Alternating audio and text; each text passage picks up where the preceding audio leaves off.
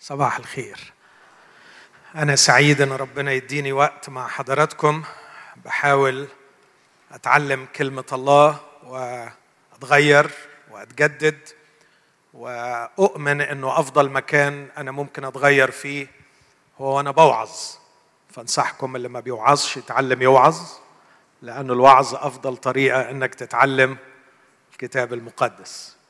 فلما دي نصيحة مش مظبوطة يعني تحاولوش كلكم توعظوا لكن على الأقل حاول إنك تشارك كلمة ربنا مع حد فكر ناقش تكلم. وإنت بتتكلم آه هتلاقي إنك بتتعلم.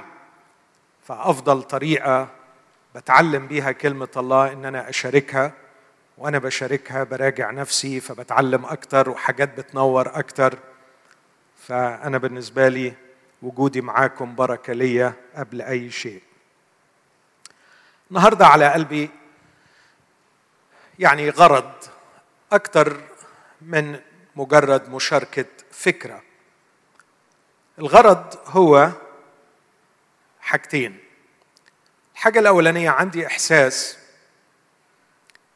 إنه عدد كبير من المؤمنين ما بيقراش الكتاب المقدس. وده شيء شوية بيزعجني وبخاف منه.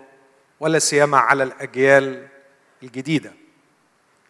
الصديق العزيز رامز عطلة بحث كتير في الموضوع ده وفكر مع دار الكتاب إنهم ربما حاجز اللغة بيخلي الناس ما تقراش الكتاب فراحوا عملوا دراسة كده جميلة على أو تجربة على سفر حبقوق فترجموه بلغة عامية بسيطة وادوه للشباب يقراه فلما قروه كان ليهم تعليق مزدوج. إحنا فهمناه. ودي أول مرة نفهمه. بس مش هو ده الكتاب المقدس. إحنا عايزين الكتاب المقدس. فغالبا الكتاب المقدس هو الكتاب المقدس لأنه ما بيتفهمش. فعشان كده لما اتفهم بقي مش الكتاب المقدس. فبقوا عايزين الكتاب المقدس. مشكلة شوية. أنا ما أعرفش هيحلوها إزاي. لكن أنا من يومين عملت التجربة على عينة من عدد مش قليل من المؤمنين المجتهدين وقريت معاهم نص وحاولت إن أنا آخد فيدباك بعد ما قريت معاهم النص واكتشفت شيء مؤلم جدا إنه مش بس مش فاهمين النص لكن عندهم توجهات سلبية تجاه النص نفسه وكأنه يحمل رسالة سلبية. وده يبين إنه النص نفسه مش مفهوم. أعتقد إنه المنبر المسيحي بصفة عامة ومسؤولية أكثر على المنبر الإنجيلي إنه وأنا لا أستثني نفسي إن إحنا أخطأنا. أخطأنا بإننا كنا بنقدم على المنبر مواضيع أكثر ما بنكون بنشرح الكتاب المقدس. غاب منهج ما نسميه الوعظ التفسيري اللي ياخذ مقطع من الكتاب ويشرحه. فالناس تحب الكتاب المقدس وتتعلم وتتدرب إنها تقرأ الكتاب المقدس وتستخلص منه الرسالة.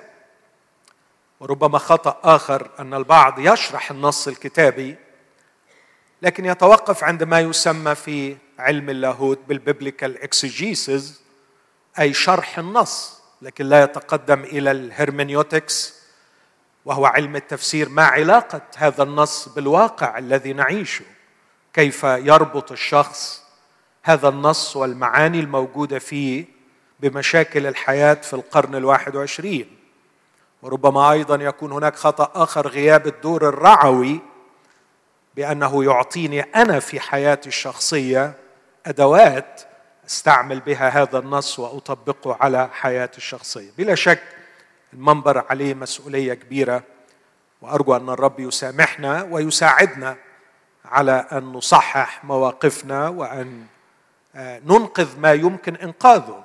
فنعيد شعب الرب إلى الكتاب ونعيد الكتاب إلى شعب الرب. وأيضا أعتقد أن إحنا نصلي من أجل حماية الكتاب المقدس أيضا من التشويه المتعمد الذي يجري أحيانا للتقليل من قيمته وإشعار الناس بأنه كتاب قديم قد لا يكون مناسبا للعصر الذي نعيش فيه. الرسول بولس جثى على ركبتيه وبكى وصلى وهو يستودع إخوته عالما أنه لن يراهم مرة أخرى فقال هذه الكلمات الجبارة والحاسمة. والآن إذ أعلم أني لن أراكم مرة أخرى أستودعكم يا إخوتي لله ولكلمة نعمته القادرة أن تبنيكم وتعطيكم ميراثا مع جميع المقدسين. أعتقد إذا قللنا من قبضة شعب الله على كلمة الله فإننا نجرم في حقهم جريمة سنحاسب عليها من الله. والبعض يفعل هذا من قبيل الحداثة وهم أبعد ما يكون عن الحداثة بمفهومها الصحيح. فأكثر الناس حداثة وتحضرا من أولاد الله يعرفون قيمة الكتاب المقدس. أذكر على سبيل المثال أحد أعظم العقول في القرن الحالي ولا داعي إني أتكلم عنه كثيرا اوزجينوس يمكنك أن تبحث عن اسمه وترى حجم هذا العقل ودوره في تشكيل بعض القرارات العالمية باعتباره عضو من الثينك تانك في واشنطن دي سي وهيكون في زيارتنا في مصر الشهر القادم وأشجعكم على حضور محاضراته سواء في الجامعة الأمريكية أو في بعض الكنائس هنعلن عنها. أوزجينوس له عبارة شهيرة جدا يقول إن دور خدام الله لا يزيد عن هذه العبارة. تشكيل عقل أولاد الله في حق الله ليفعلوا مشيئة الله. هذا هو دور الخدام أن نشكل عقل أولاد الله في حق الله في كلمة الله. أن نجعلهم يقيمون في الكلمة. و I meant أقصد هذا التعبير حرفيا. يقيمون في الكلمة إقامة كاملة في الكلمة المقدسة. يقول الرب يسوع لليهود الذين آمنوا به إن ثبتتم في كلامي. كلمة ثبتتم ابحث عنها. سكنتم. أقمتم. إنها ليست قراءة للكلمة بل إقامة في الكلمة. إنها ليست اطلاع على الكلمة بل سكنة في أعماق الكلمة.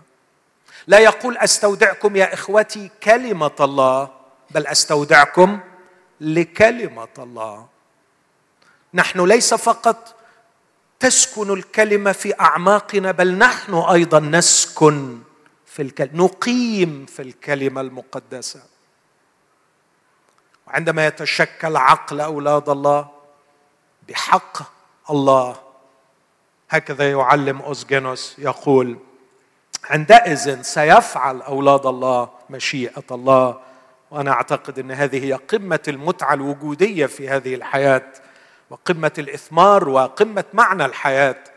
ان أعيش الرسالة التي خلقني الله لأجلها. آه نفسي النهارده أحاول آه أحببكم شوية في كلمة الله. أتمنى أنجح في إني أعمل كده. فهقرأ نص وأحاول إن أنا أشوف الرسالة اللي فيه. لكن الغرض الثاني غرض برضو أعتقد إنه مهم. و أعتقد إن إحنا في احتياج إليه لأنه برضه بشوف المنبر المسيحي أخطأ فيه وهو كالآتي.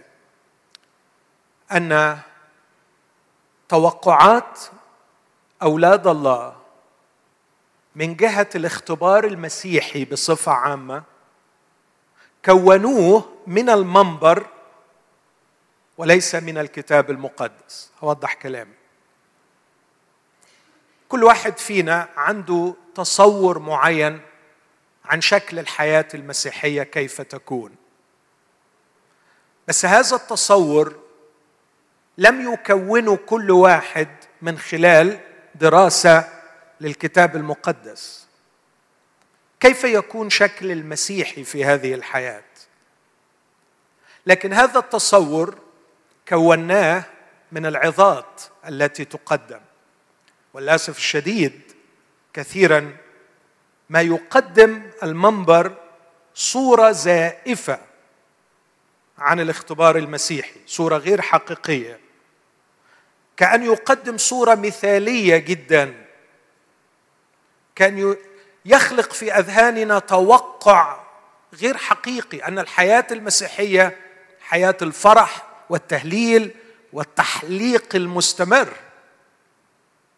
بس في الواقع إحنا مش كده. فبتخلق فجوة كبيرة بين المقعد والمنبر. قولوا بس ده اللي إحنا مش قادرين نعيشه. فيا إما نفقد الثقة في المنبر يا إما نفقد الثقة في أنفسنا بأننا غير قادرين على أن نعيش هذا المستوى. في حاجة غلط ومش عارفين هي فين. هي فينا ولا في الكلام اللي بيتقال؟ وده لأنه الوعاظ ما بيشاركوناش ابدا بضعفهم. الراجل بيعتبر إنه مش وقته ولا مناسبته إنه يقف على المنبر عشان يقول أنا ضعيف وخيبان وبصارع وبجاهد. لكن علشان يقول يلا بينا نشد حيلنا. فبيقدم ربما أحيانا أحلام وأمال غير واقعية.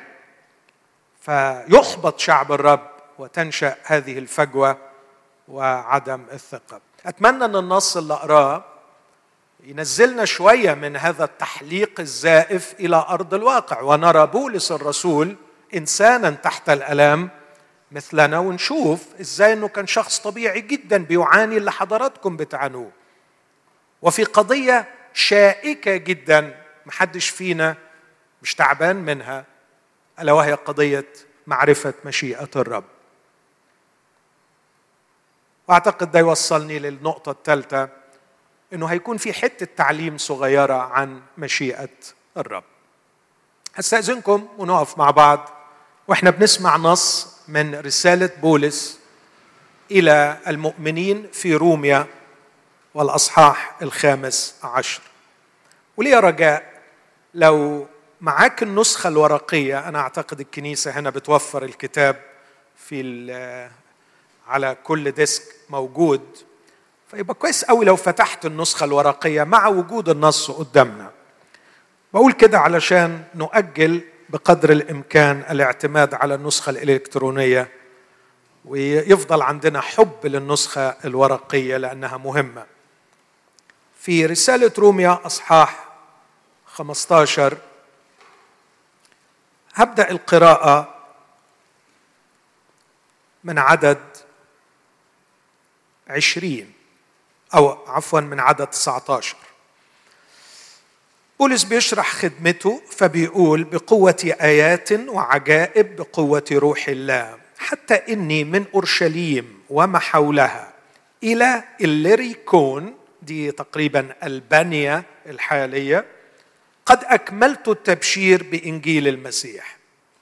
ولكن كنت محترصا أن أبشر هكذا ليس حيث سمي المسيح يعني مش هبشر في حتة حد سبقني وبشر فيها. لئلا أبني على أساس لآخر. بل كما هو مكتوب الذين لم يخبروا به سيبصرون والذين لم يسمعوا سيفهمون. يعني كنت بحرص أروح الحتت اللي ما حدش راحها لذلك كنت أعاق المرار الكثير عن المجيء إليكم. كان نفسه يروح للمؤمنين في روميا. بس ما كانش قادر يروح لهم. وأما الآن فإذ ليس لي مكان بعد في هذه الأقاليم ولي اشتياق إلى المجيء إليكم منذ سنين كثيرة فعندما أذهب إلى أسبانيا آتي إليكم. كان بيخطط إنه يروح أسبانيا. لأني أرجو أن أراكم في مروري وتشيعوني إلى هناك. إن تملأت يعني شبعت اولا منكم جزئيا أي إلى وقت. ولكن الآن أنا ذاهب إلى أورشليم لأخدم القديسين لأن أهل مكدونية وأخائية استحسنوا أن يصنعوا توزيعا لفقراء القديسين الذين في أورشليم. استحسنوا ذلك وإنهم لهم مديونون لأنه إن كان الأمم قد اشتركوا في روحياتهم يجب عليهم أن يخدموهم في الجسديات أيضا. فمتى أكملت ذلك وختمت لهم هذا الثمر فسأمضي مارا بكم إلى إسبانيا. وأنا أعلم أني إذا جئت إليكم سأجيء في ملء بركة إنجيل المسيح. فأطلب إليكم أيها الإخوة بربنا يسوع المسيح وبمحبة الروح أن تجاهدوا معي في الصلوات من اجلي إلى الله لكي أنقذ من الذين هم غير مؤمنين في اليهودية ولكي تكون خدمتي لأجل أورشليم مقبولة عند القديسين حتى أجيء إليكم بفرح بإرادة الله وأستريح معكم. إله السلام معكم أجمعين. آمين. هذه هي كلمة الرب. خلونا وإحنا واقفين. نرفع الصلوة دي كلنا في قلوبنا للرب. يا رب أرجوك أسكن الكلمة في قلبي وأسكنني أنا بروحي في الكلمة.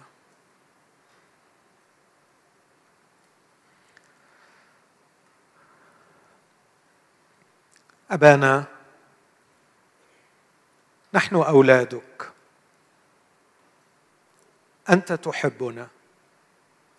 وأنت وحدك تعلم عمق احتياجنا لهذه الكلمة. قال ابنك يسوع عنها قدسهم في حقك كلامك هو حق. أعني يا ابي بالروح القدس لكي أخدم أبنائك بكلمتك في اسم المسيح. آمين. تفضلوا.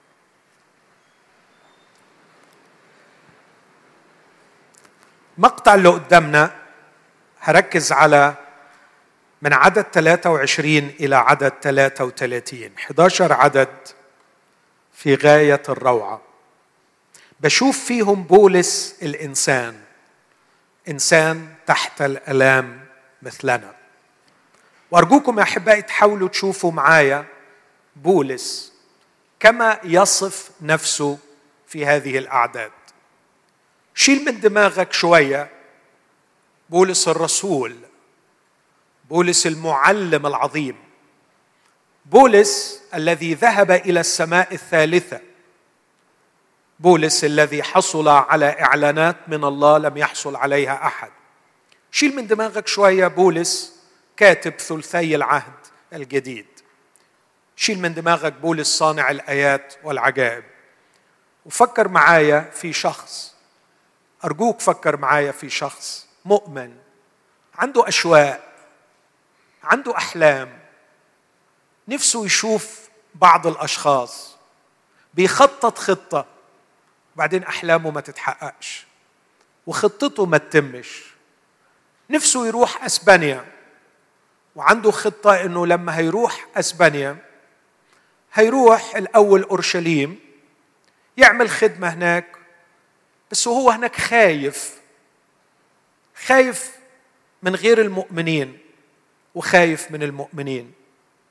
فبيقول لإخواته في روما أرجوكم جهدوا معايا في الصلاة جهدوا معايا في الصلاة. علشان أنقذ من غير المؤمنين أنا خايف منهم. وكمان عندي تخوف تاني إنه حتى خدمتي للمؤمنين ما تكونش مقبولة. يا للدرجة دي يا بولس؟ سيب دي لماهر صمويل سيب دي لسامح روبيل. نخاف من غير المؤمنين ونخاف كمان إن خدمتنا ما تتقبلش. بس أنت بولس أنت بولس بجلالة قدرك أنت بولس اللي تشهد عنك من الله هذا لي إناء مختار. بس الرب بيواجهنا النهارده وبيقول لنا إن الإناء المختار إن القديس العملاق هو إنسان تحت الالام إنسان زينا. عنده نفس الأحلام عنده نفس الأشواق عنده نفس العواطف عنده نفس المخاوف عنده نفس العجز بيخطط وبيرتب وخططه ما بتتمش. إزاي ما عرفش مشيئة ربنا؟ إزاي ما حسبهاش صح؟ إزاي أقول هروح وهروح وهروح وبعدين ما يروحش؟ مش مشكلة. إنسان. هو مش ربنا. ما قدرش يشوف الصح. بولس ما قدرش يشوف الصح. كانت لديه مخاوف لأنه سمع من كثيرين أن وثقا وشدائد في أورشليم تنتظره. فبيقول لهم صلوا لي لكي أنقذ من هؤلاء الأشرار. وكانت لديه إشاعات وأخبار أن إخوته من اليهود يظنون فيه أنه يعلم بتعاليم ضد الناموس وكان هذا صحيحا. كانت انتشرت الشائعة وعندما وصل إلى أورشليم واجهوه الإخوة الكبار بأن هذا ما يشاع عنه ده عامل مشكله في الكنيسة في أورشليم فمش قابلين خدمته. فبيقول لهم صلوا لي أنا رايح أورشليم وأنا محتار خايف من اللي بره وخايف من اللي جوه فجاهدوا معايا في الصلاة. كلمة رهيبة اللي استعملها في اللغة اليونانية وده أحيانا نحتاج نعمله وإحنا بندرس الكتاب وده مش صعب على أي قارئ النهارده. البرامج على الإنترنت ببلاش.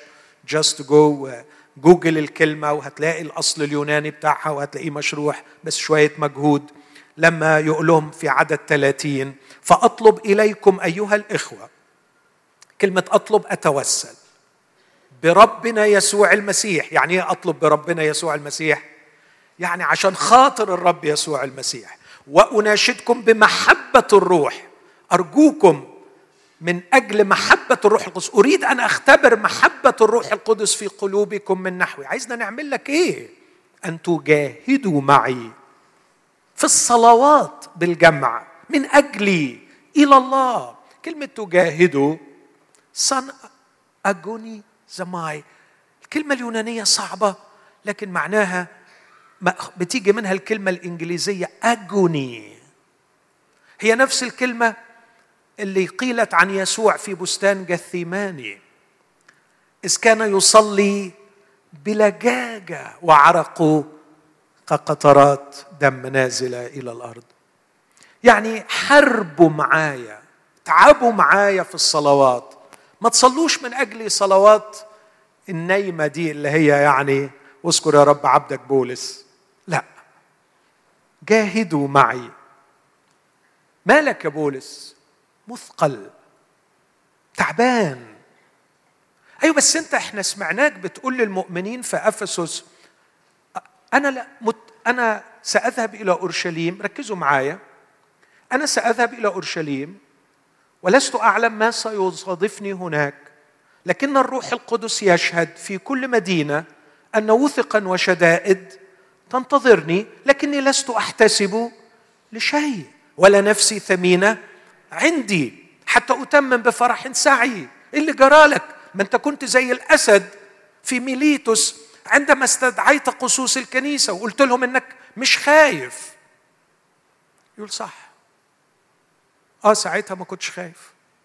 بس دلوقتي خايف. إيه ده؟ مش عيب على فكرة. مش عيب انك في وقت متشجع ومتشدد وفي وقت تاني تخاف. مش عيب ابدا. وساعتها اللي خلاه زي الأسد مش لأنه ما خافش. لو ما خافش يبقى مريض نفسي. لما واحد يتقال له إنه في كل حتة وثق وشدائد تنتظرك ويقول أنا جدع وما يهمنيش ده لازم تجيبوه لي أعالجه. لأنه معناه إنه متبلد إنه في حاجة في عقله. لكن اللي حصل إنه صلى. ولما صلى تشجع.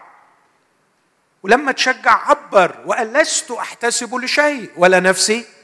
ثمينه عندي. ودلوقتي أنا خايف. وبصلي. لكن شاعر إني محتاج إلى صلواتكم. صلوا معايا. لا مش صلوا معايا. جاهدوا معي في الصلاة. أنا أناشدكم بالرب يسوع وبمحبة الروح أن تجاهدوا معي في الصلوات. خارج الموضوع شوية مش قوي لكن بين قوسين. أرجوكم يا أحبائي تشعروا بالمسؤولية تجاه من يخدمون الرب. صلي من أجل قصوص هذه الكنيسة. صلي من أجل كل خادم ربنا استخدمه مرة في حياتك. صلي له من فضلك. ويليام كاري خادم الله العظيم وهو يودع أحباءه في إنجلترا لكي يذهب مرسلا إلى الهند. أعطاهم هذا التشبيه وهو يتكلم عن أصدقائه المقربين. قال لهم أنا أرى نفسي كمن سينزل إلى قاع البئر. لكي ينجز عملا هناك.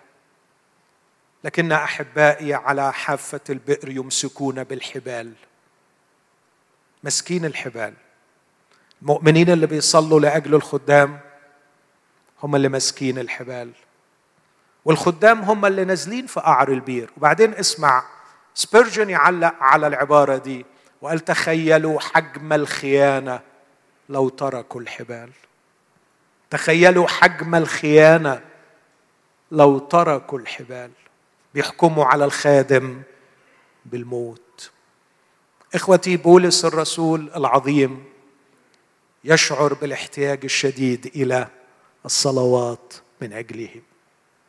لكن أيضا بولس عنده مشاعر شوق كبيرة إنه يشوف المؤمنين في روميا وهنا أراه يفكر كإنسان. بولس يعلم أنه رسول الأمم وليس رسول الختان.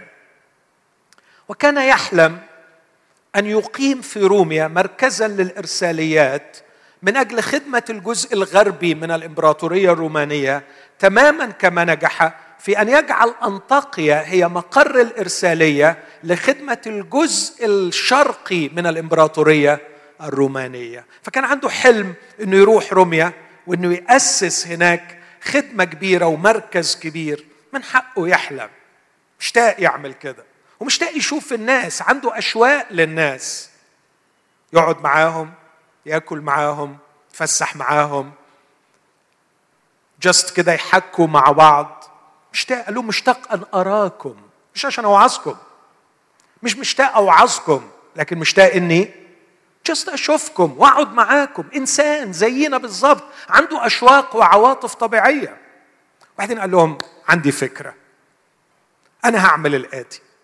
أنا دلوقتي عندي مشوار مهم لأورشليم فهروح أورشليم أخلص مشروعي هناك إن أوصل الخدمة بتاعه الفقراء. كانوا الكنايس الأمم باعتين تقدمة للمؤمنين اليهود وبولس حط تعليم وقال زي ما اشتركوا في الروحيات يشتركوا معاهم في الجسديات.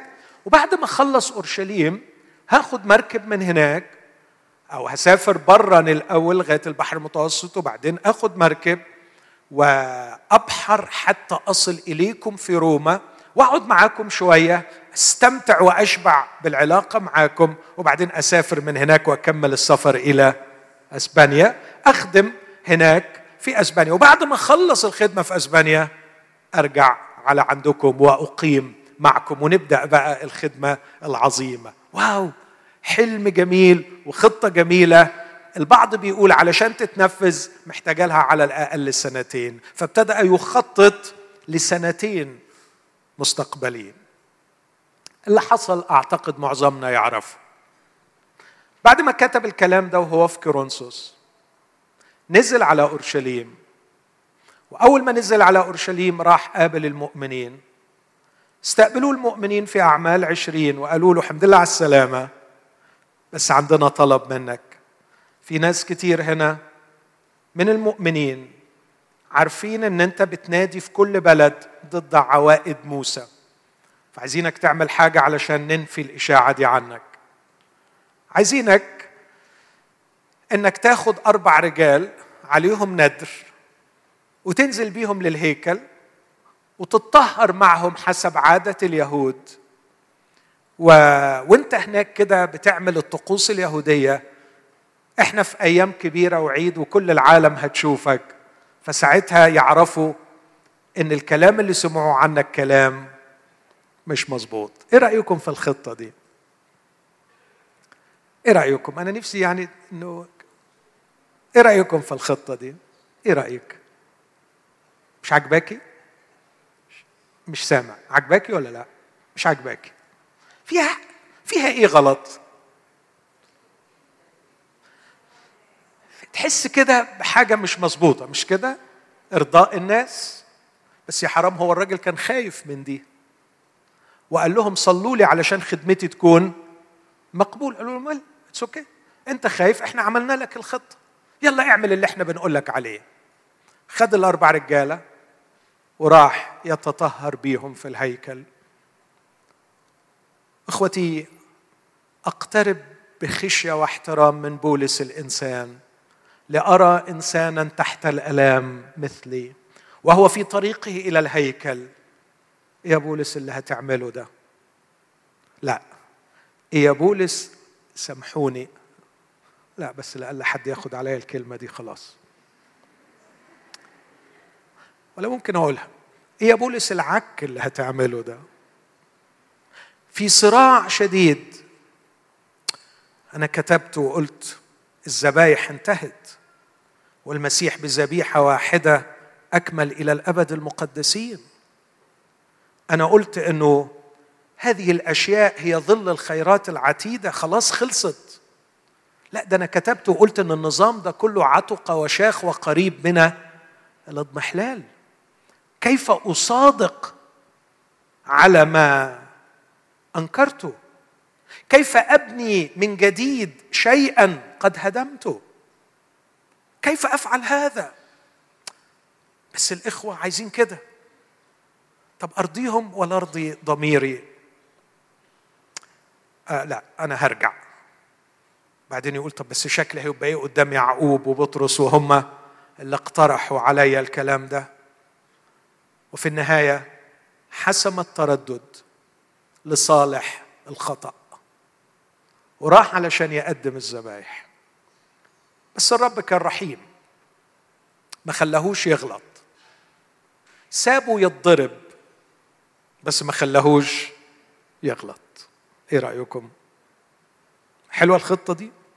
سابه يتضرب بس ما خلاهوش يغلط. إيه رأيك يا بولس؟ تتضرب ولا تغلط؟ لا اتضرب أنا متأكد إن بولس يختار يتضرب. أول ما دخل الهيكل قبل ما يقدم أي ذبيحة ولا يعمل أي حاجة نادوا النداء الكبير. أيها الرجال أعينوا.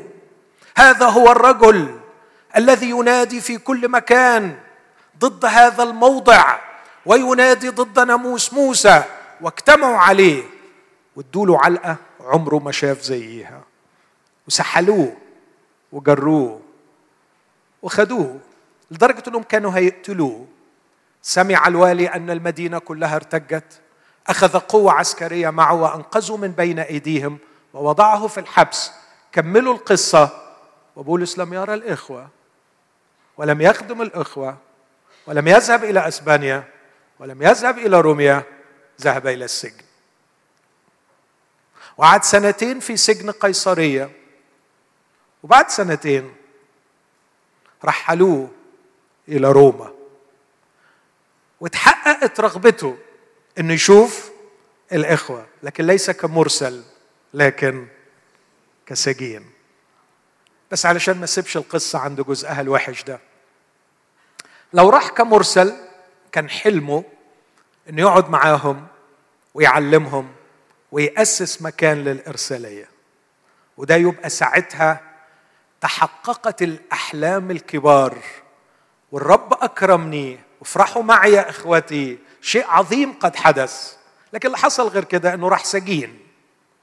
ما أبعد الفارق. contrast two extremes يروح مرسل مكرم وإنه يروح في سلاسل سجين. يعني مش هيعرف يعمل أي حاجة. مش هيعرف يعمل أي حاجة. وهنا اتخيل بولس الإنسان وهو داخل عندما حطت السفينة على ميناء روما ونزل في شوارع روما يجر كسجين. يقارن هذا الوضع بالوضع القديم. فين أحلامي؟ لما كنت بحلم آجي مرسل عظيم لهذه العاصمة الكبيرة وأؤسس خدمة جبارة وصوت يهمس في داخله اهدأ يا بولس لقد علت أفكاري عن أفكاركم وطرقي عن طرقكم. لا تحزن يا بولس فأنا الله أجعل كل الأشياء تعمل معا للخير وأتخيل رد الفعل السريع هو فين بس الخير؟ هو فين الخير سنتين في قيصرية؟ وديني مجرور سجين هنا في روما ومش عارف هطلع حي ولا ميت لقد ماتت الأحلام وضاعت الأمال ولا رجاء في أن أتمم الحلم القديم. وهو في السجن يبدأ يكرز للعساكر والعساكر يكرزوا للعساكر والعساكر يبلغوا الضباط والضباط يبلغوا الجنرالات. والكل يأتي لكي يسمع من هذا السجين فتصل الكرازة إلى بيت قيصر. ويبدأ من عائلة القيصر يقبلون الإيمان بالمسيح من خلال وجود بولس في السجن. فيكتب في هذا السجن إلى إخوته في فيلبي مبشرا بخبر رائع. ليس أن الحلم قد تحقق لكن افرحوا كل حين لأن أموري قد آلت أكثر إلى تقدم. الإنجيل. لقد صار الإنجيل معروفا في كل دار الولاية ويختم يسلم عليكم الذين من بيت قيصر. لا اسمع أكثر من كده. كان في السجن كل حين يؤخذ لكي يعرض على حاكم. مرة فاستوس مرة اغرباس مرة مش عارف مين كل شوية يجيبوا له واحد علشان يعرض عليه قصته. ويبدأ بولس يحكي اختباره أمام المئات وربما الألاف لكن الأهم أمام الملوك والرؤساء.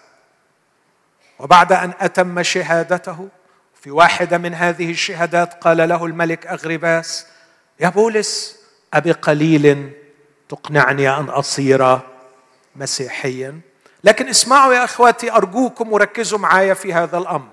قبل هذا الكلام بأكثر من عشرين سنة كان الرب قد ظهر لحنانية وقال لحنانية هذا لي إناء مختار سيحمل اسمي أمام أمم وملوك. وبولس لم يحمل اسم الرب أمام الملوك إلا بعد أن صار سجينا في روما.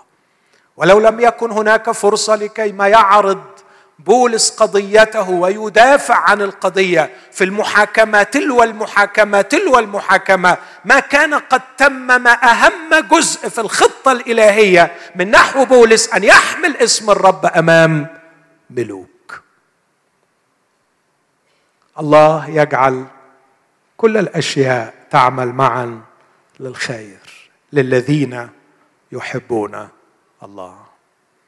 قد كان لديه أشواق وضعفات أحلام وأمال مخاوف وتردد وضع خطة والخطة لم تتم لأنه إنسان تحت الألام مثلنا. أكتفي بهذا مع أنه عندي الكثير في هذا الاتجاه لكن نفسي أقول لكل مؤمن أخي أختي إن كنا بجهل أو بدون جهل كخدام صدرنا ليك صوره عن المؤمن. أنه الشخص الذي لا يخور أو يتعب. أنه الشخص الذي لا يتردد أو يجهل. إذا كنا صدرنا لك صوره إنه الشخص اللي دايما فاهم وربنا قال لي في ربنا قال لي والدنيا واضحة والدنيا سهلة. والعملية يعني في منتهى السهولة وعارفين آخرها من أولها. إذا كنا صدرنا لك الصورة دي سامحنا. إحنا غير أمنا. الحقيقة مش كده. الحقيقة يقول بولس من يضعف؟ وأنا لا أضعف. إننا نضعف. إن بولس يحتار. سيبك مننا. إحنا أغلب بالغلب. أنا بكلمك عن بولس. بحكي الحكاية دي دايما. كنا في اجتماع صلاة مرة بنصلي. وبعدين واحد عمال يصلي وبيقول له يا رب. خلينا زي بولس. بولس اللي قال لي الحياة هي المسيح. بولس اللي قال أسعى نحو الغرض. وقاعد جنبه أخ كان متعزي قوي يقول أمين يا رب أمين يا رب. بعدين وصل أخونا اللي بيصلي ويقول خلينا زي بولس اللي بيقول لست أحتسب لشيء ولا نفسي سمينة عندي. اللي بقوله لكم ده حصل فعلا. راح زغده في كتفه قال له ده بولس يا عمي ده بولس. يعني مش للدرجة دي يعني. ده بولس. آه إحنا ممكن نيجي معاه في حتة اتنين لكن يعني ما نوصلش لحتة لست احتسبه لشيء. أنا بقول لك بقى عن ده بولس يا عمي ده بولس. بولس ده بولس ده خاف. بولس تردد. بولس حسبها وطلعت غلط. مش عيب مش عيب. الله لم يخلصنا لكي نكون super human beings لكي نكون السوبر. الله خلصنا لكي نتكل عليه. نمشي معا نحكي معا نستند عليه نثق فيه. نفكر نخطط نحلم نشتاق نتوجع نتألم لكن في كل شيء نحن معه ومتكلين عليه. وننتظره أن يعدل ويخلص إلى المنتهى. أنا مش عايز أخد وقت أكتر من كده لكن أتمنى إن الفكرة تكون وصلت. ان بولس عمال يخطط والخطة ما تمتش. ربنا عمل حاجات أعظم. وعشان كده أختم بالنقطة الثالثة. إيه رأيكم في النص ده مهم ولا مش مهم؟ هو أنا سمعي تقل ولا حضراتكم بقيتوا في منتهى الرقة والهدوء؟ طبعا أنتوا كلكم في منتهى الرقة بس يا ريت الرقة دي تبقى في البيوت كمان يعني. النص ده مهم ولا مش مهم؟ هو بيحكي حكاية بس في غاية الأهمية. قد إيه كنا نخسر لو العهد الجديد حرمنا من الجزء ده؟ اللي بيقدم لنا بولس المتردد بولس الخايف بولس اللي بيجزم امرا ولا يثبت له ويخطط خطة ولا تقوم يعني اللي بيقدم لنا بولس واحد مننا. كانت تبقى خساره كبيرة قوي. لو عندنا رومية 8 وما عندناش رومية 15 رومية 15 مهم زي رومية 8 زي إذا لا شيء من الدينونة الآن. بنفس الأهمية أن روح الله يعلمني أن بولس الرسول واحد مننا. هذا يملأني بالرجاء. هذا يملأني بالفرح وبالثقة. إن الإله اللي عرف يعمل من بولس بولس يعرف يعمل مني. إن بولس ما كانش super human being علشان كده قدر يعمل اللي هو بيعمله كان رجلا مسكينا إناء خزفيا وهو قد شهد وقال لنا هذا الكنز في أواني خزفية. نحن نكتئب. بولس بيقول كده مكتئبين. في وقت من الأوقات قال أيسنا من الحياة أيضا. نحن نحتار نحن نخاف. في مرة اشتكى وقال من الخارج خصومات ومن الداخل مخاوف. كان يشعر بالاحتياج للرفقة. كان يذكر باستمرار دموع تيموثاوس. يقول له تيموثاوس منين ما بشعر بالألم ألم الوحدة. بفتكرك حبيبي وأنت بتودعني بالدموع لكي أمتلئ فرحا. ويذكر فضلا لأخ اسمه أنسيفورس يقول طلبني بأوفر اجتهاد في سجون روميا حتى وجدني فأراحني ولم يخجل بسلسلتي. يشعر باحتياج شديد للرفق. يا عم ده إحنا فاكرينك رسول الملائكة جاية بتخدم عليك. يقول سيبك سيبك من من الأوهام اللي زرعوها في دماغك. المسيحي شخص طبيعي يحتار ويخاف ويتألم ويتوجع ويخطط وتفشل خططه. لكن الرب في النهاية لا يتركه ولا يتخلى عنه. لكن يقوده من وجه الضيق إلى رحب لا حصر فيه. ويجعل كل الأشياء تعمل معا للخير في حياة هذا الشخص. لكن أنهي بتعليم عن موضوع مشيئة الله. وأقول السؤال اللي بنتسأله أصلي ولا اخطط بولس هنا كان بيعمل إيه؟ كان بيخطط. تقول لي طيب ما أنت وعظت وقلت هو الخطط بتاعته طلعت كلها غلط. فده معناه إن إحنا ما نخططش. لا غلط. لازم نخطط. لازم نخطط لثلاث اعتبارات. أنا عارف إن بعضكم مش مبسوط دلوقتي. لأني هطلعهم من دايرة الراحة. يا عم الله يطول عمرك. أوعظ وعظة كويسة وقول صلوا وكل حاجة هتبقى زي الفل. هتقول لي نخطط؟ هتتعبنا معاك ليه بس؟ أطمنهم بعد شوية هقول ما نخططش. بس يعني استنوا عليا. الصبر لكن خلينا دلوقتي أقول لازم نخطط. لازم نخطط. ليه لازم نخطط؟ عندي ثلاث أسباب بسرعة. السبب الأول منطقي. منطقي حاشا الله أن يكون أعطاني العقل القادر على التخطيط ثم يلزمني أن لا أستعمله في قضية التخطيط. حاشا لله الذي أتقن العالمين بخطة رائعة جدا أن يطلب مني أنا ابن المخلوق على صورته أن لا أخطط. ثم أن الكتاب المقدس لم يقل اطلاقا إذا أخذتم الإيمان ضحوا بالعقل اطلاقا. بل بالعكس لقد أعطانا العقل نعمة وأعطانا أيضا الإيمان نعمة. فبدل ما يكون عندنا نعمة واحدة عندنا نعمتين عندنا العقل وعندنا الإيمان. البعض بيتصور إنه ربنا ادانا الإيمان قال سلمني الفارغ هات العقل. يعني ما دام في إيمان يبقى ما فيش عقل. لا. الكتاب المقدس يقول العقل يحفظك والفهم ينصرك. منطقيا لا أستطيع أن أتخيل أو أقبل إن الإله العظيم الحكيم بيطلب مني أنا ابنه اني ما اعملش خطة. الأمر الثاني كتابيا. هل لنا نصوص كتابية واضحة وأمثلة ونماذج كتابية واضحة تقول أن الرب يعلمنا ويأمرنا بالتخطيط؟ نعم.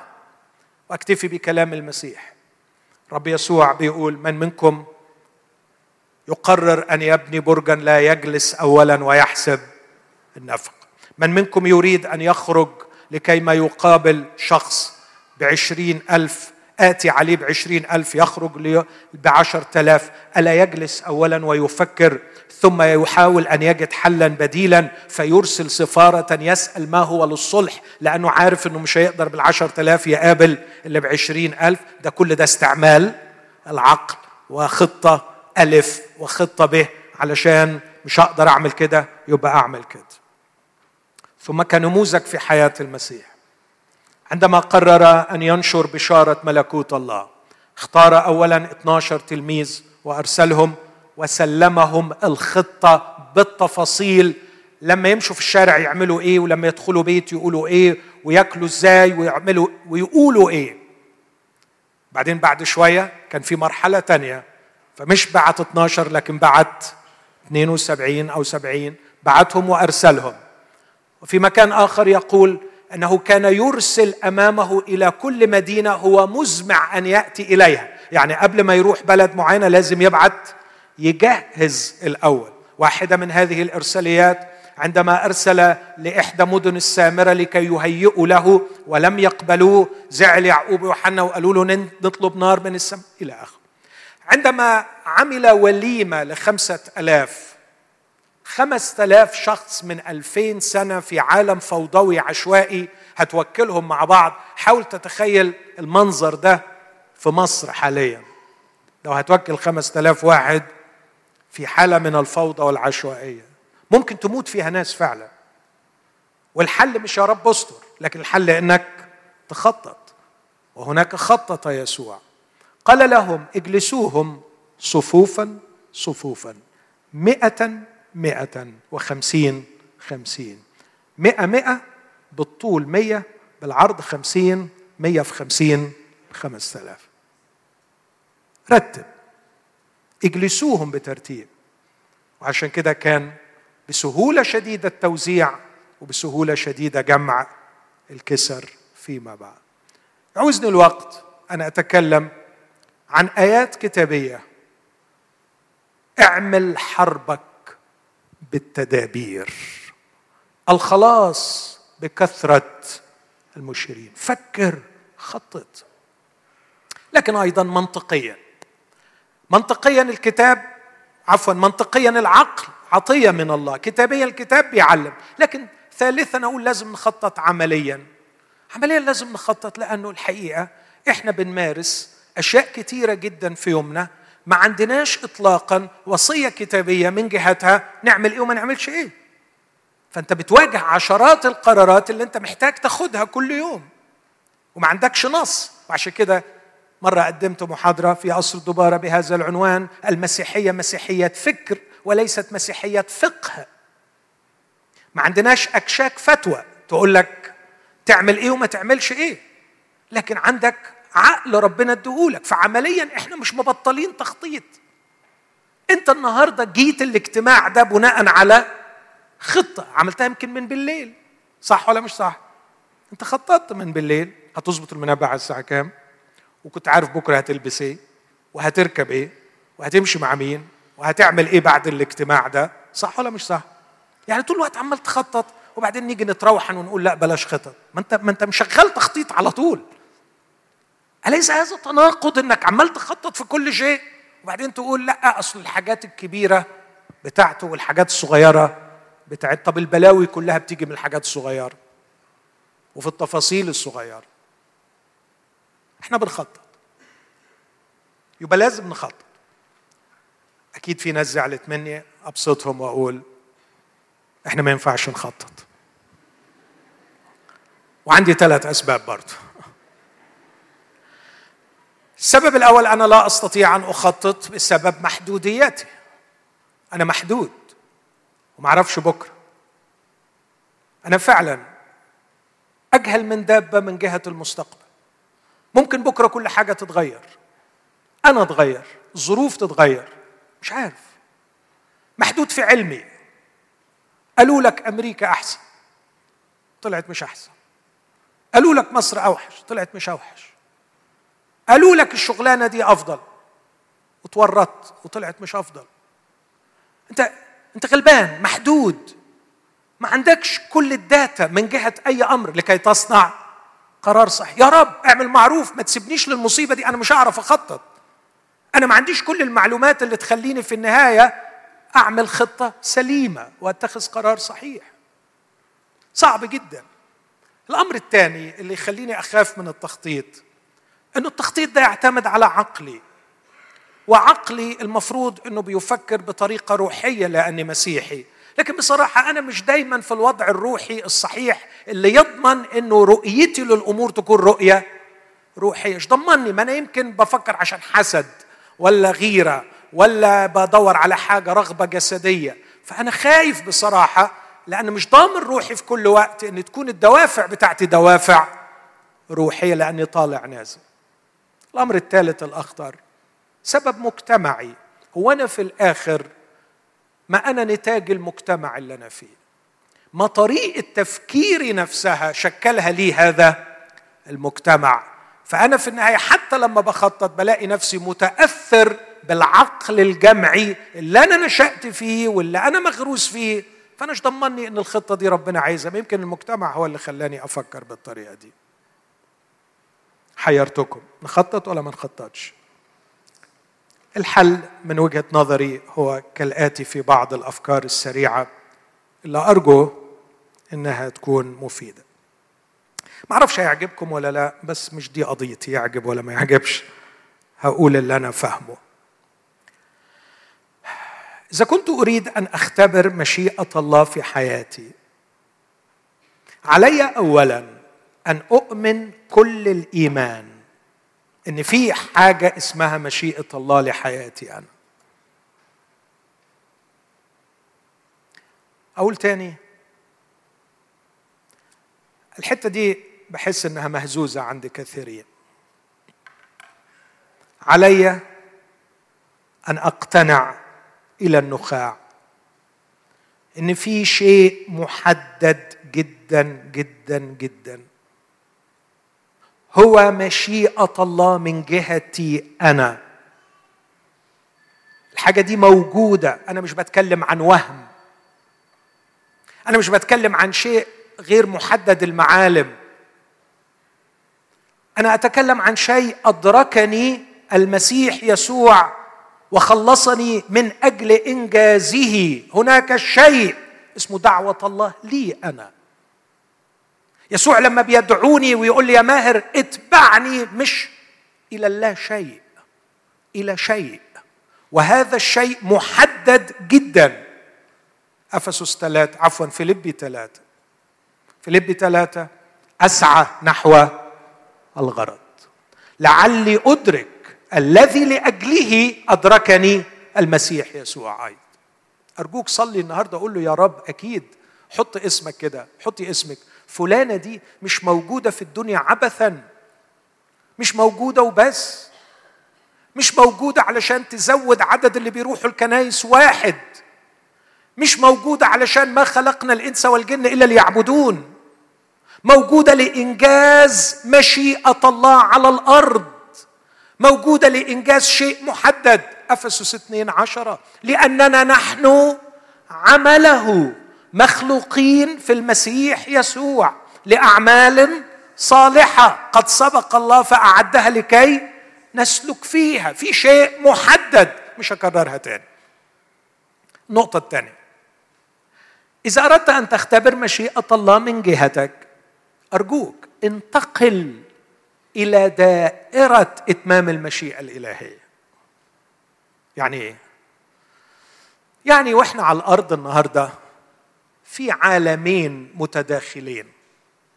في حاجة اسمها العالم وفي حاجة اسمها ملكوت الله. العالم هو هذا النظام الذي ينتج نتيجة تزاوج واقتران إرادة إبليس بإرادة البشر.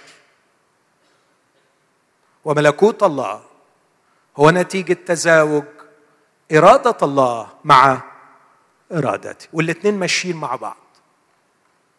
كل فعل تراه عينك على الأرض فعل بشري.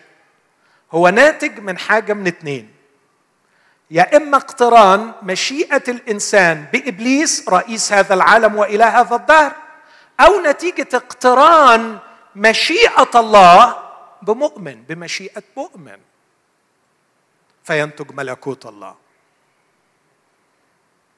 وبالمناسبة ملكوت الله شغال وناجح. وفي ناس كتير قوي كونتريبيوتنج للملكوت عمالين يدعموا هذا الملكوت. بيدعموه إزاي؟ بناء على التعريف اللي قلته من شوية. بيجوزوا إرادتهم لإرادة ربنا فتخلف عيال حلوة تكبر ملكوت الله. تبني ملكوت الله. ليأتي ملكوتك. كيف؟ كيف يأتي ملكوتك كمل الآية. لتكن مشيئتك. كما كذلك مين اللي نزلها من السماء للأرض؟ أنت. لما ترتبط وتقترن مشيئة الله بمشيئتي. اسمعني من فضلك. وكل ما بتتجوز إرادتك إرادته وتعمل شيء على الأرض في ملكوته في نفس اللحظة انت بت undermine ال structure بتاع العالم ده. انت بتخرب نظام العالم. كل خطوة بناء في ملكوت الله وراها عشر خطوات هدم في نظام هذا العالم. فيبقى بتعمل الاثنين مع بعض. بتبني في ملكوت الله ومجرد ما إنك فعلت إرادة الله انت بتخرب في الأساس بتاع هذا العالم الشرير. وهنا الحياة تستحق أن تعاش. أن أبني ملكوت الله الباقي وأن أخرب هذا النظام الذي يمضي وشهوته تزول. علشان كده لا تحب العالم ولا الأشياء التي في العالم لأن من أحب العالم ليست فيه محبة الآب. لأنه مش بيحب الآب ومش بيشتغل مع الآب. وليس في العالم إلا شهوة الجسد وشهوة العيون وتعظم المعيشة وهي ليست من الله بل من العالم والعالم يمضي وشهوته. اسمع أما الذي يصنع مشيئة الله فهو يثبت إلى الأبد. دي آيات دي ورا بعض. العالم وملكوت الله. إذا أردت أن تعمل مشيئة الله انتقل إلى دائرة هذه المشيئة. وما هي دائرة هذه المشيئة؟ ملكوت الله. يعني إيه؟ يعني تبقى ناوي تشتغل في حكاية الله وتبطل تدعو الله عشان يعمل حكايتك. ده الفارق الشاسع الواقع اللي بشوفه مع أخواتي المؤمنين كتير. تستحملوا حتة فلسفة صغيرة؟ ولا شكلكم خلاص؟ حتة صغيرة قوي. تحت الجلد خفيفة قوي مش هتحسوا بيها. اللي بيدرسوا في الوجود يقولوا الناس معنى الوجود بيقولوا الناس عايشة حاجة من ثلاثة أو هناك ثلاث فلسفات رئيسية theonomy heteronomy autonomy إيه الفرق بين الثلاثة؟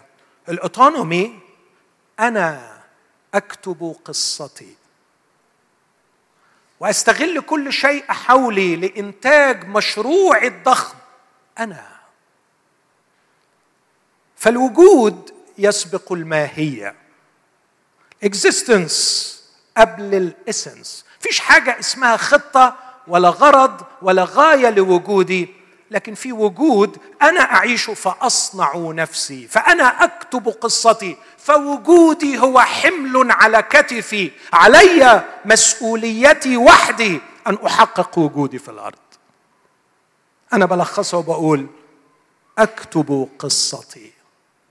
واستغلك واستغلك. واستغل الملائكة. واستغل ربنا. وكل ما حاجة تحاول تعطلني وأنا بعمل المشروع بتاعي أسميها شيطان وانتهره علشان يبطل يعطلني. وكل ما ألاقي ربنا متأخر أزعق له شوية وأصم له علشان بقى يحس شوية ويدخل ويعمل الشغل اللي أنا عايزه منه. فربنا أحيانا بيبقى مش حلو ابدا لأنه ما بينفذليش الحاجات اللي أنا عايزها منه. حطيت عليه كذا تاسك كده وقلت له جوز البنت دي ونجح الولد ده وهات لي العربية الفلانية ويلا الشقة الفلانية واشفي لي الحتة دي. وللأسف الشديد مش شايف شغله وأنا القصة بتاعتي متعطلة. This is autonomy. ودي وثنية بحتة. في بقى حاجة تانية اسمها هيترونومي أنا مش عايش لأجل نفسي بس عايش لأجل آخرين. بس الآخرين دول ممكن يكونوا طائفتي ممكن يكونوا عيلتي ممكن يكونوا حزبي السياسي ممكن يكون شغلي. في في آخر بس الآخر ده ما هواش الله. وفي ثيونومي يعني لما تشوف شاب عضو في جماعة دينية فعلا الغلبان ده مش بيكتب قصته لكن بيكتب قصة الجماعة وبيتسيل تماما علشان خاطر الجماعة. المهم الجماعة مش مهم أنا. مهم القضية مش المهم أنا. لكنه اله الجماعة اله القضية. لكن الواقع المسيحي مش autonomy مش heteronomy لكن theonomy. الله يكتب قصة. طبعا هيبقى في رد فعل كده سلبي شوية. يعني إيه يعني؟ يعني هو يكتب قصته وأنا أخدم عليه. لو أنت صغتها بالطريقة دي وبعتها لي أنا هشتري. أنا موافق. أنا موافق إن هو يكتب قصته وأنا أخدم عليه. تعرف ليه؟ لأني عارفه نظيف قوي من جوه وحلو قوي من جوه وصالح قوي من جوه وعايز أطمنك عمره ما بيفكر في نفسه. ولما بيكتب قصته بيكتبها علشان خاطر نفسك مش علشان خاطر نفسه. ده أحبني وأسلم نفسه لأجل. إن أعظم قصة وهي بالمناسبة القصة الباقية قصة الله. الميتا ناريتيف الكبيرة هي حكاية ربنا. يوم الهنا بتاعك يوم ما تاخد دورك في حكاية ربنا. وتبقى أحد شخوص هذه القصة. والخلاص هو انتقالي من عالم الأوتونومي الاستقلال عن الله إلى عالم الله إلى قصة الله لكي آخذ مكاني فيها وألعب دوري المرسوم لي في هذه القصة. إذا أول خطوة أن تؤمن أن هناك مشيئة، النقطة الثانية أنك تنتقل إلى دائرة هذه المشيئة، النقطة الثالثة أنك تقرأ السكريبت بتاع المسرحية بتاع القصة، اقرأ السكريبت، اقرأ. اقرأ القصة دي راحت فين وجاية منين وبتعمل إيه، وهذا هو ال script، scripture الكتاب المقدس. بدونه لا أستطيع أن أعرف دوري في قصة الله. بإني أغمس نفسي فيه وأسيبه يتغمس فيا. فأفهم كيف أتصرف وكيف أخطط وكيف أقرر وكيف أفكر. واسمعني. إذا يعني طبعا لما بستعمل التشبيه ده بعض الشباب بيزعل بس أرجوهم يكبروا عقلهم شوية. لما بستعمل مسرحية أو البلاي دي أو القصة اللي ربنا بيعملها ده مجرد للتشبيه. لكن ربنا مش بيلعب وربنا مش بيعمل مسرحية. ده واقع رائع جدا. لكن عايز أستعمل أدوات للتشبيه. فعايز أقول في وأنت بتلعب الدور بتاعك مسموح لك بالارتجال. مسموح لك إنك تبدع. بس هيكون الإبداع بتاعك موجه بالروح القدس وغير مسبوق. وانت في داخل هذه القصة هتلاقي إن في مساحة كبيرة مسموح بيها لكي ما ترتجل إبداع ينتجه الله من خلالك. انتقل إلى دائرة إتمام هذه المشيئة ثم كون الذهن القادر على تمييز هذه المشيئة ثم خطط. ثم خطط.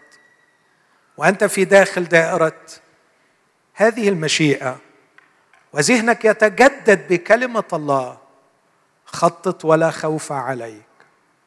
خطط وهيحصل معاك اللي حصل مع بولس. هو خطط وفي النهاية سلم الخطط للرب. وقبل تعديلات الرب. قبلها ولا ما قبلهاش؟ قبلها. سؤال هل الرب تخلى عنه لأنه خطط؟ لا. كان معاه في أورشليم؟ كان معاه في أورشليم. كان معاه يوم ما اتقبض عليه في أورشليم؟ كان معاه.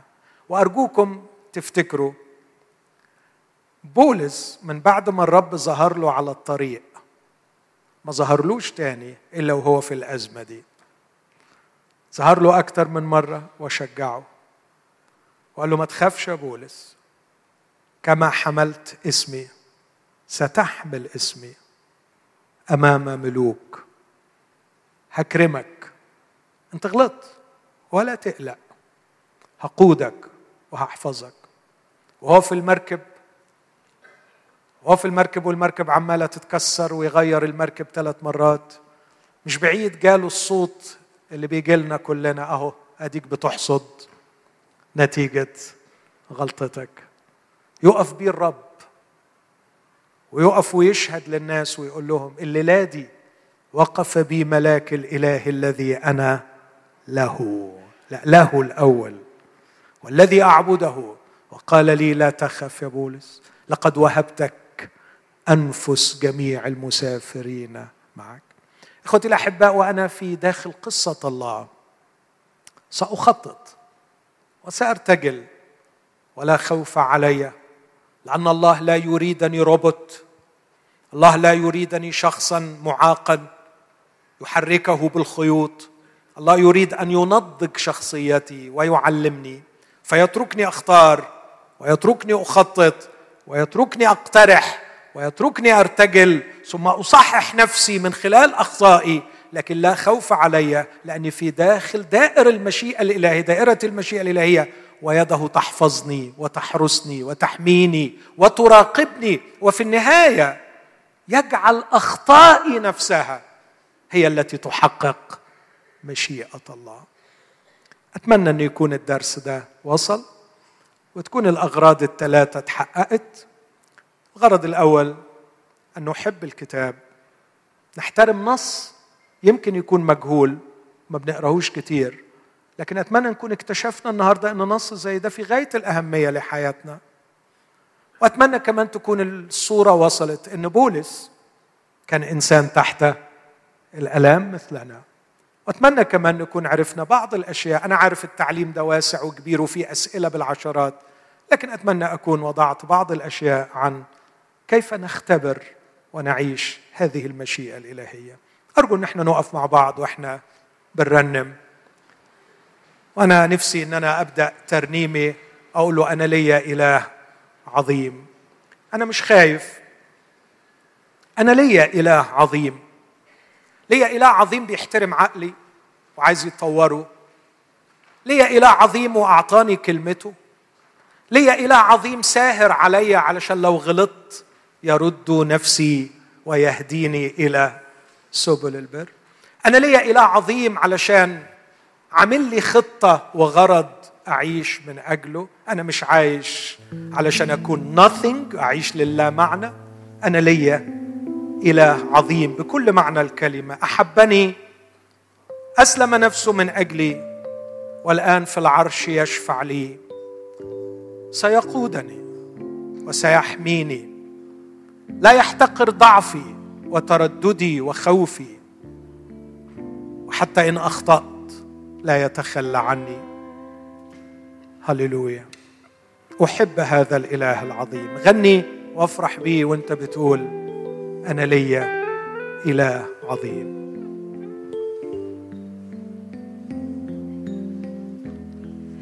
سامحني رغم إني عودت المستقيم ومع حصك ذنوبي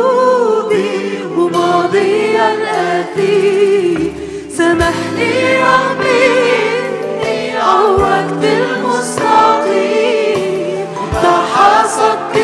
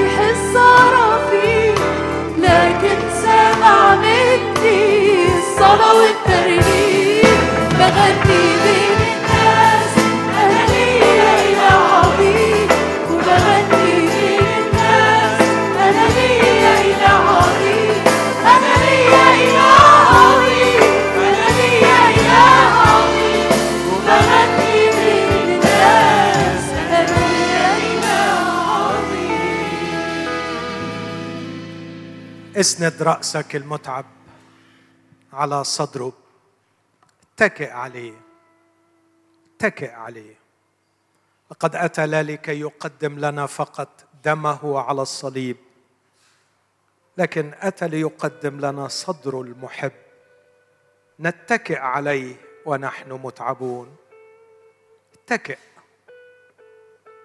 قل له أنا ضعيف. لكن أنت عظيم.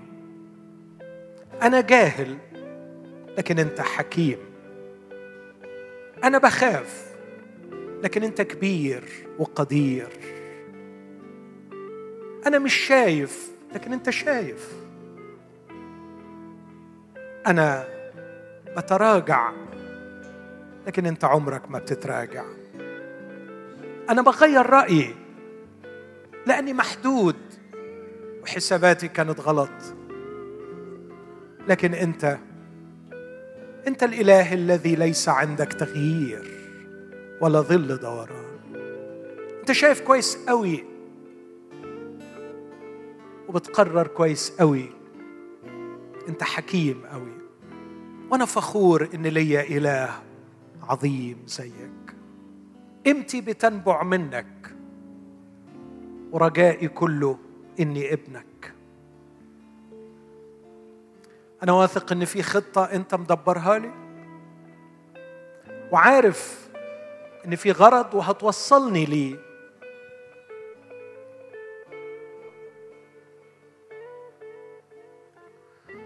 أنت شجعتني النهارده إني أطالب بحقي. إني أعيش أعيش في الخطة. واحقق الغرض اللي انت اوجدتني من اجله